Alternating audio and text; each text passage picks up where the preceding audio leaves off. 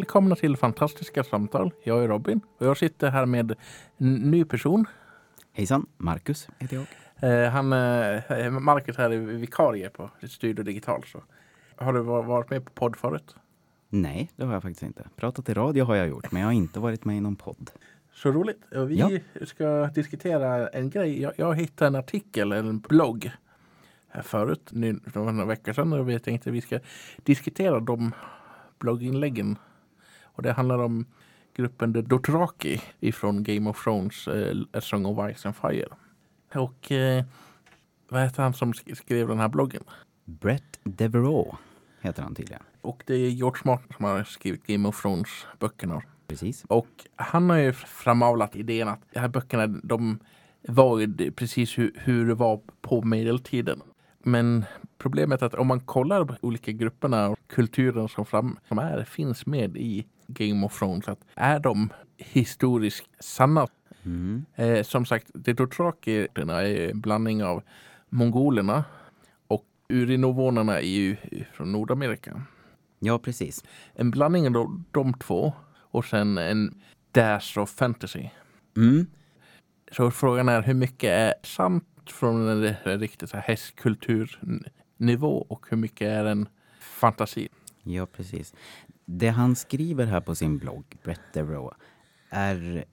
Hans grundinställning är väl att när Martin säger att det här är en eh, amalgation, alltså en sorts... Eh, Sammanblandning? Ja, av, eh, av de här olika folkslagen.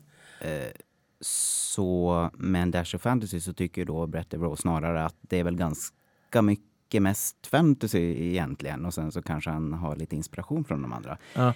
Eh, det som jag la märke till när jag kollade upp varifrån han har tagit det här citatet mm. som återfinns där på bloggen. Ja. Så finns det ett till stycke i, det, i den lilla texten av George Martin där det står att han faktiskt eh, försöker att undvika att ta delar direkt ur, mm. alltså direkt ur verkligheten. Att Visserligen så inspireras han av verkligheten och eh, eh, vår världshistoria men eh, mm. han tar liksom inte delar rakt av. Och det kan ju jag tycka lättar upp lite det här uttalandet om att eh, dothrakierna skulle vara en sammanslagning av de här olika steppfolken. Att eh, ja, det är väl möjligt fast det är fortfarande bara inspiration. Mm. Det var väl den tanke som väcktes mm. hos mig när jag läste attityden kring, eller från Brett Devereaux angående mm. hela den här ja. anspråket på att vara historiskt korrekt. Mm. Sen är det ju förstås alltså, andra saker man kan diskutera när det gäller eh, historiskt korrekt. Det kommer vi väl till lite senare. Mm. Och det finns en eh, som den här eh, författaren tar upp en eh, litterell trope. Eh, trope är en grej man ofta säger. Det är inte ett kliché utan det är hjälpmedel som oftast olika författare att beskriva, lättare beskriva grejer i böckerna. Ja, eller ett ständigt återkommande fenomen eller element inom fiktionen som alltid ser likadant ut. Mm. Oavsett vilket, eh, vilken, vilken skapelse det är. Mm. Det här är någonting som Brett kallar främmen mirage. Mm. Och det är oftast en typ kultur som motsatsen till det mer så civiliserade personer mm. är det och att de är mer så här hypermaskulina, moraliskt rena, starka män som är hårda på grund av att de har växt upp under hårda tider. Ja, precis. Ska väl lägga till också att Fremen kommer alltså av ett folkslag i romanen Dune. Ja. Som tydligen består av manliga, hårda män. Ja. I kontrast då till eh, de mer civiliserade samhällena där männen framför allt har blivit försvagade och dekadenta och feminiserade. Vilket gör att det samhället då kommer att gå under och då kommer det bli hårda tider igen och då kommer det formas nya hårda män som skapar ett bättre samhälle som skapar svaga män och så går cirkeln runt. är väl tanken kring ja. hela den här Fremen Mirage. Mer eller mindre. Sen är det också en tendens att eh, Martin beskriver att kläderna på Dothraki också är lädervästar över bara överkropp och så hästhårbyxor. Ja, det här är ju... Där kommer vi in på det här lite grann med Ja, man kan hämta inspiration från verkligheten och sen så kan man lägga till ett dash of fantasy eller en skopa fantasy eller ganska mycket fantasy beroende på vad man nu vill ha. Men att, ja om man jämför hur Martin beskriver kläderna Ja. så går ju det lite stick i stäv med de folkslag eller de kläder som de folkslag som han har hämtat inspiration från Ja. använder för kläder. För Visst, typ ett exempel att mongolerna, de använder ju läder visserligen typ till skor och liknande. Och vissa andra typer av kläder och typ så, olika grejer. Men oftast är det ju andra byxor och eh, jackor och sånt där de har. Att, då är det ju mer av material som kan andas. Och framförallt så täckte de kroppen mycket mer. Det var långa ärmar och det var långa rockar. Alltså inte bara någon liten väst upp till utan eh, långa rockar, långa ärmar. Ja. Täckande kläder för att stå emot all vind och sol som finns ute på stäpperna där det inte finns någon skog som eh, skyddar. Mm. Och, eh, och en del av kläderna de har är väldigt också mer färgglada. Ja, på de bilder som finns är det ju väldigt rika dekorationer och det är pärlbroderier och det är färger som du säger. Mm. Och det återfinns ju inte alls i, i tv-serien. Ja. Sen är det väl, visst de kanske har lite mer tråkiga kläder också ibland men även på medeltiden så eh, olika kulturer så vill man ju ofta också se bra ut. Ja, Både för sig själv och för andra. Och, ja men precis. eh, så det, det är inte alltid som man ofta ser på så här, filmer och serier som utspelar sig på medeltiden. Att man går alltid runt i typ bruna, svart och svarta Mm. kläder. Det, det är Alltså. faktiskt ganska vanligt tycker jag. Att bara mycket brunt. Kanske lite Ja. svart här och där. Det brukar vara mycket brunt. Och det går ju att få till, alltså med eh, naturfärger så går det att få till ganska många olika färger ändå. Ja. Som är lite roligare att se på. Sen tänker man ju också att även om nu då när vi hade levt där det var mycket varmare om man tänker Mm. afrikansk befolkning som lever på steppen och så har ju inte täckande kläder på samma sätt men det är fortfarande väldigt, väldigt mycket dekorationer. Mm. Alltså att även om det är så varmt som man inte behöver mer än ett höftskynke kanske Mm. så dekorerar man ändå kroppen. I böckerna beskrivs det som målade västar Mm. och inte så mycket mer. Och i tv-serien har det blivit någon sorts omålade läderharnesk helt enkelt. Det är mest Mm. Om man ser, tittar på officiella kartor på både i, från den här världen så ligger den här Doraki Sea, det är det som är, de kallar den här stepp de bor. mm, Typ samma som nivå, geografiska nivå som Kings Landing i Västerås. Där de oftast har typ heltäckande kläder. Ja, de har ju väldigt mycket kläder. Förutom kanske på en extrema varma sommardagar. Då, men Ja, men precis. annars har de ju mer heltäckande kläder. Ja, I där. och då kan man ju anta att det kanske är lite kallare och blåsigare. Det är kanske lite farligt av oss men eh, man kan anta att det inte är så mycket annorlunda på Dothraki-steppen så att säga. Det finns både varma dagar, varma somrar, kalla nätter och kalla vintrar. Och, Mm. och det är väl en grej man kanske inte riktigt tänker på när, i det verkliga så här, steppen. Nej, precis. är också att det, det finns bra mycket olika typer av olika klimat. Ja, men hur som helst så är det ju skillnad på stepp och stepp också förstås. För det Brett Everett tar upp i bloggen är ju skillnaden mellan eh, de asiatiska steppfolken där steppen löper från öst till väst ungefär. Mm. Alltså det är på samma breddgrad fortfarande. Ja. Eh, Medan den nordamerikanska steppen går mer i nord-sydlig riktning och då är det klart att klädesplaggen skilde sig lite mer Mm. mellan de som bodde längst norrut där det kanske var, behövdes mer varma Mm. kläder och längre söderut där man kanske kunde gå med bara överkropp på sommaren. Möjligen. Mm. Som ju dothrakerna ganska mycket gör. Eh, Sen kan man fundera på västen som klädesplagg också. För om man då ska jämföra med de andra steppfolken här så är det mycket täckande kläder just för att skydda mot vind och sol och kunna hålla inne värmen på nätterna också när det är lite kallare. Mm. En väst täcker ju inte särskilt mycket mer än bröstet och eh, Ryggen. det, och ryggen och magen. Och det vet ju alla som går ut på vintern och bara tar på sig en väst att man blir ju kall om armarna också. Så just västen är väl egentligen inte ett plagg. Nu är jag ute och cyklar på lite djupt vatten kan man väl säga. Jag är lite osäker på västens historia i vår verkliga värld, men min uppfattning är att den är mer ett plagg som man använder till exempel som skydd för att skydda den klädsel man har under. Alltså en skjorta eller vad det nu kan vara. Mm. Eller att eh, man har den att ha som, ja, man har fickor på den mm. helt enkelt. För att kunna lägga undan saker. Alltså att det är mera ett, ett skyddsplagg eller ett plagg som hjälper till. Det är inte ett plagg som i första hand är tänkt att ta hand om kroppen om man säger så. Mm. Sen vet man ju inte. Martin kanske bara glömde berätta att de har skjortor under också. Det vet vi ingenting om. Mm. En annan sak som jag gärna vill anmärka på när det gäller vad eh, bloggaren här skriver eh, om att hästhår, alltså hästhårsleggings mm. beskriver Martin det som att de har.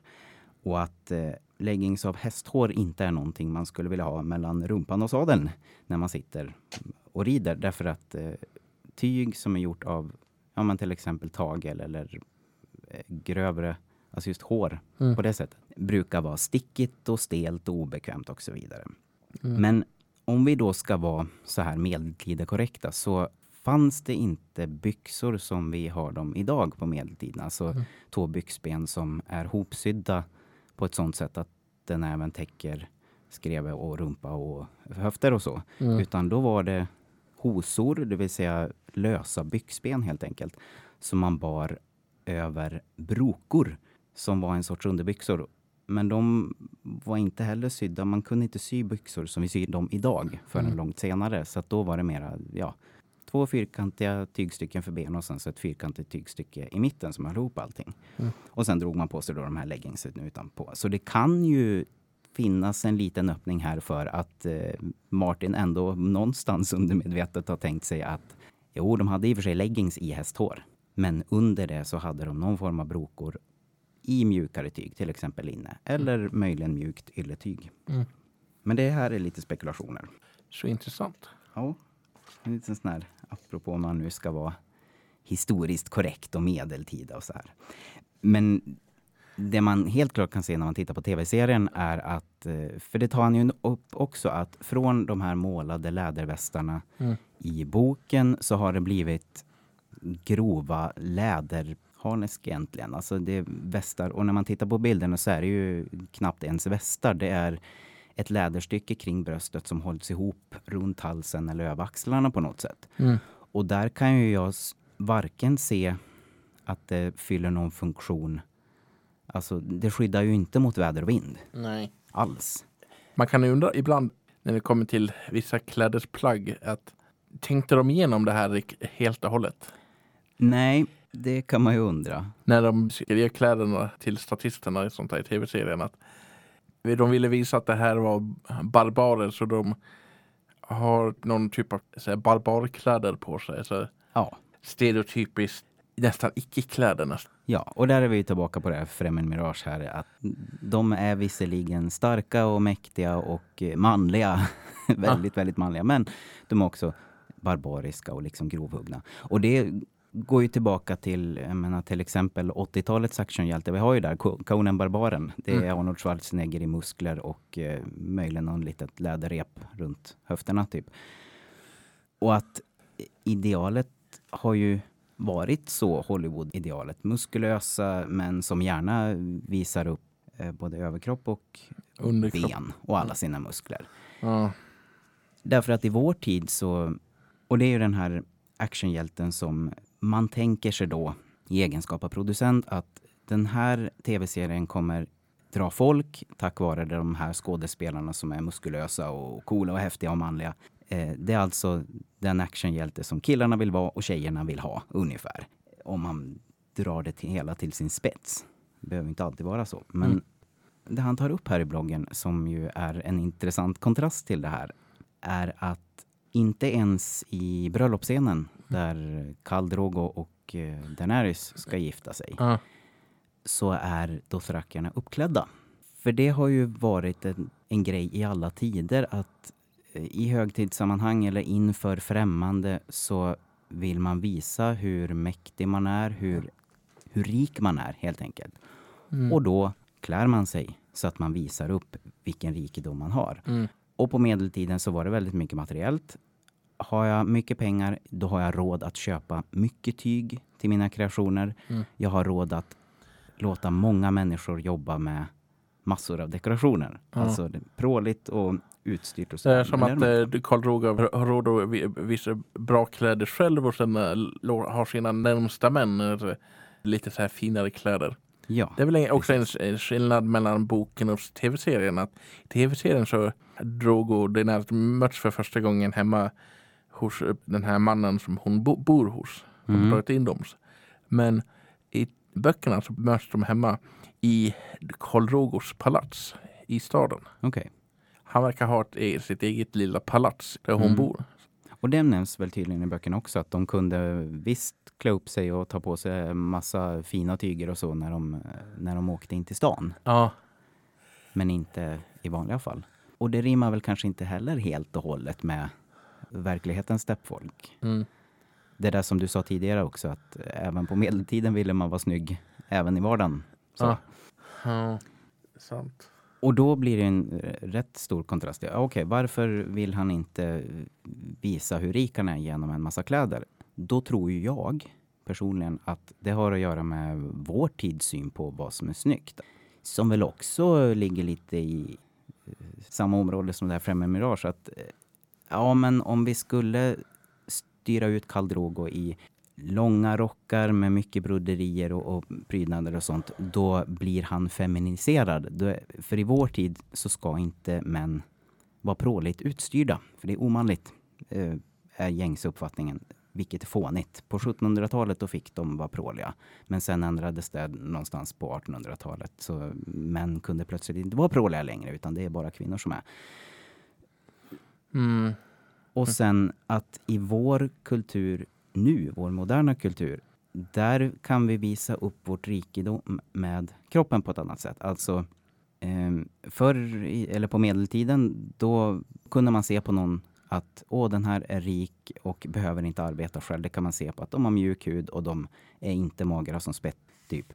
Och nu för tiden så kan man se att eh, den här människan har råd och tid att lägga på träning och på att bygga muskler som möjligen fungerar eller inte, men det ser snyggt ut liksom. Mm. Som eh, de flesta actionskådisar. Så att vi använder väl kanske snarare, alltså den moderna människan kan använda eller visa genom sin kroppsbyggnad vad man har för ekonomisk status.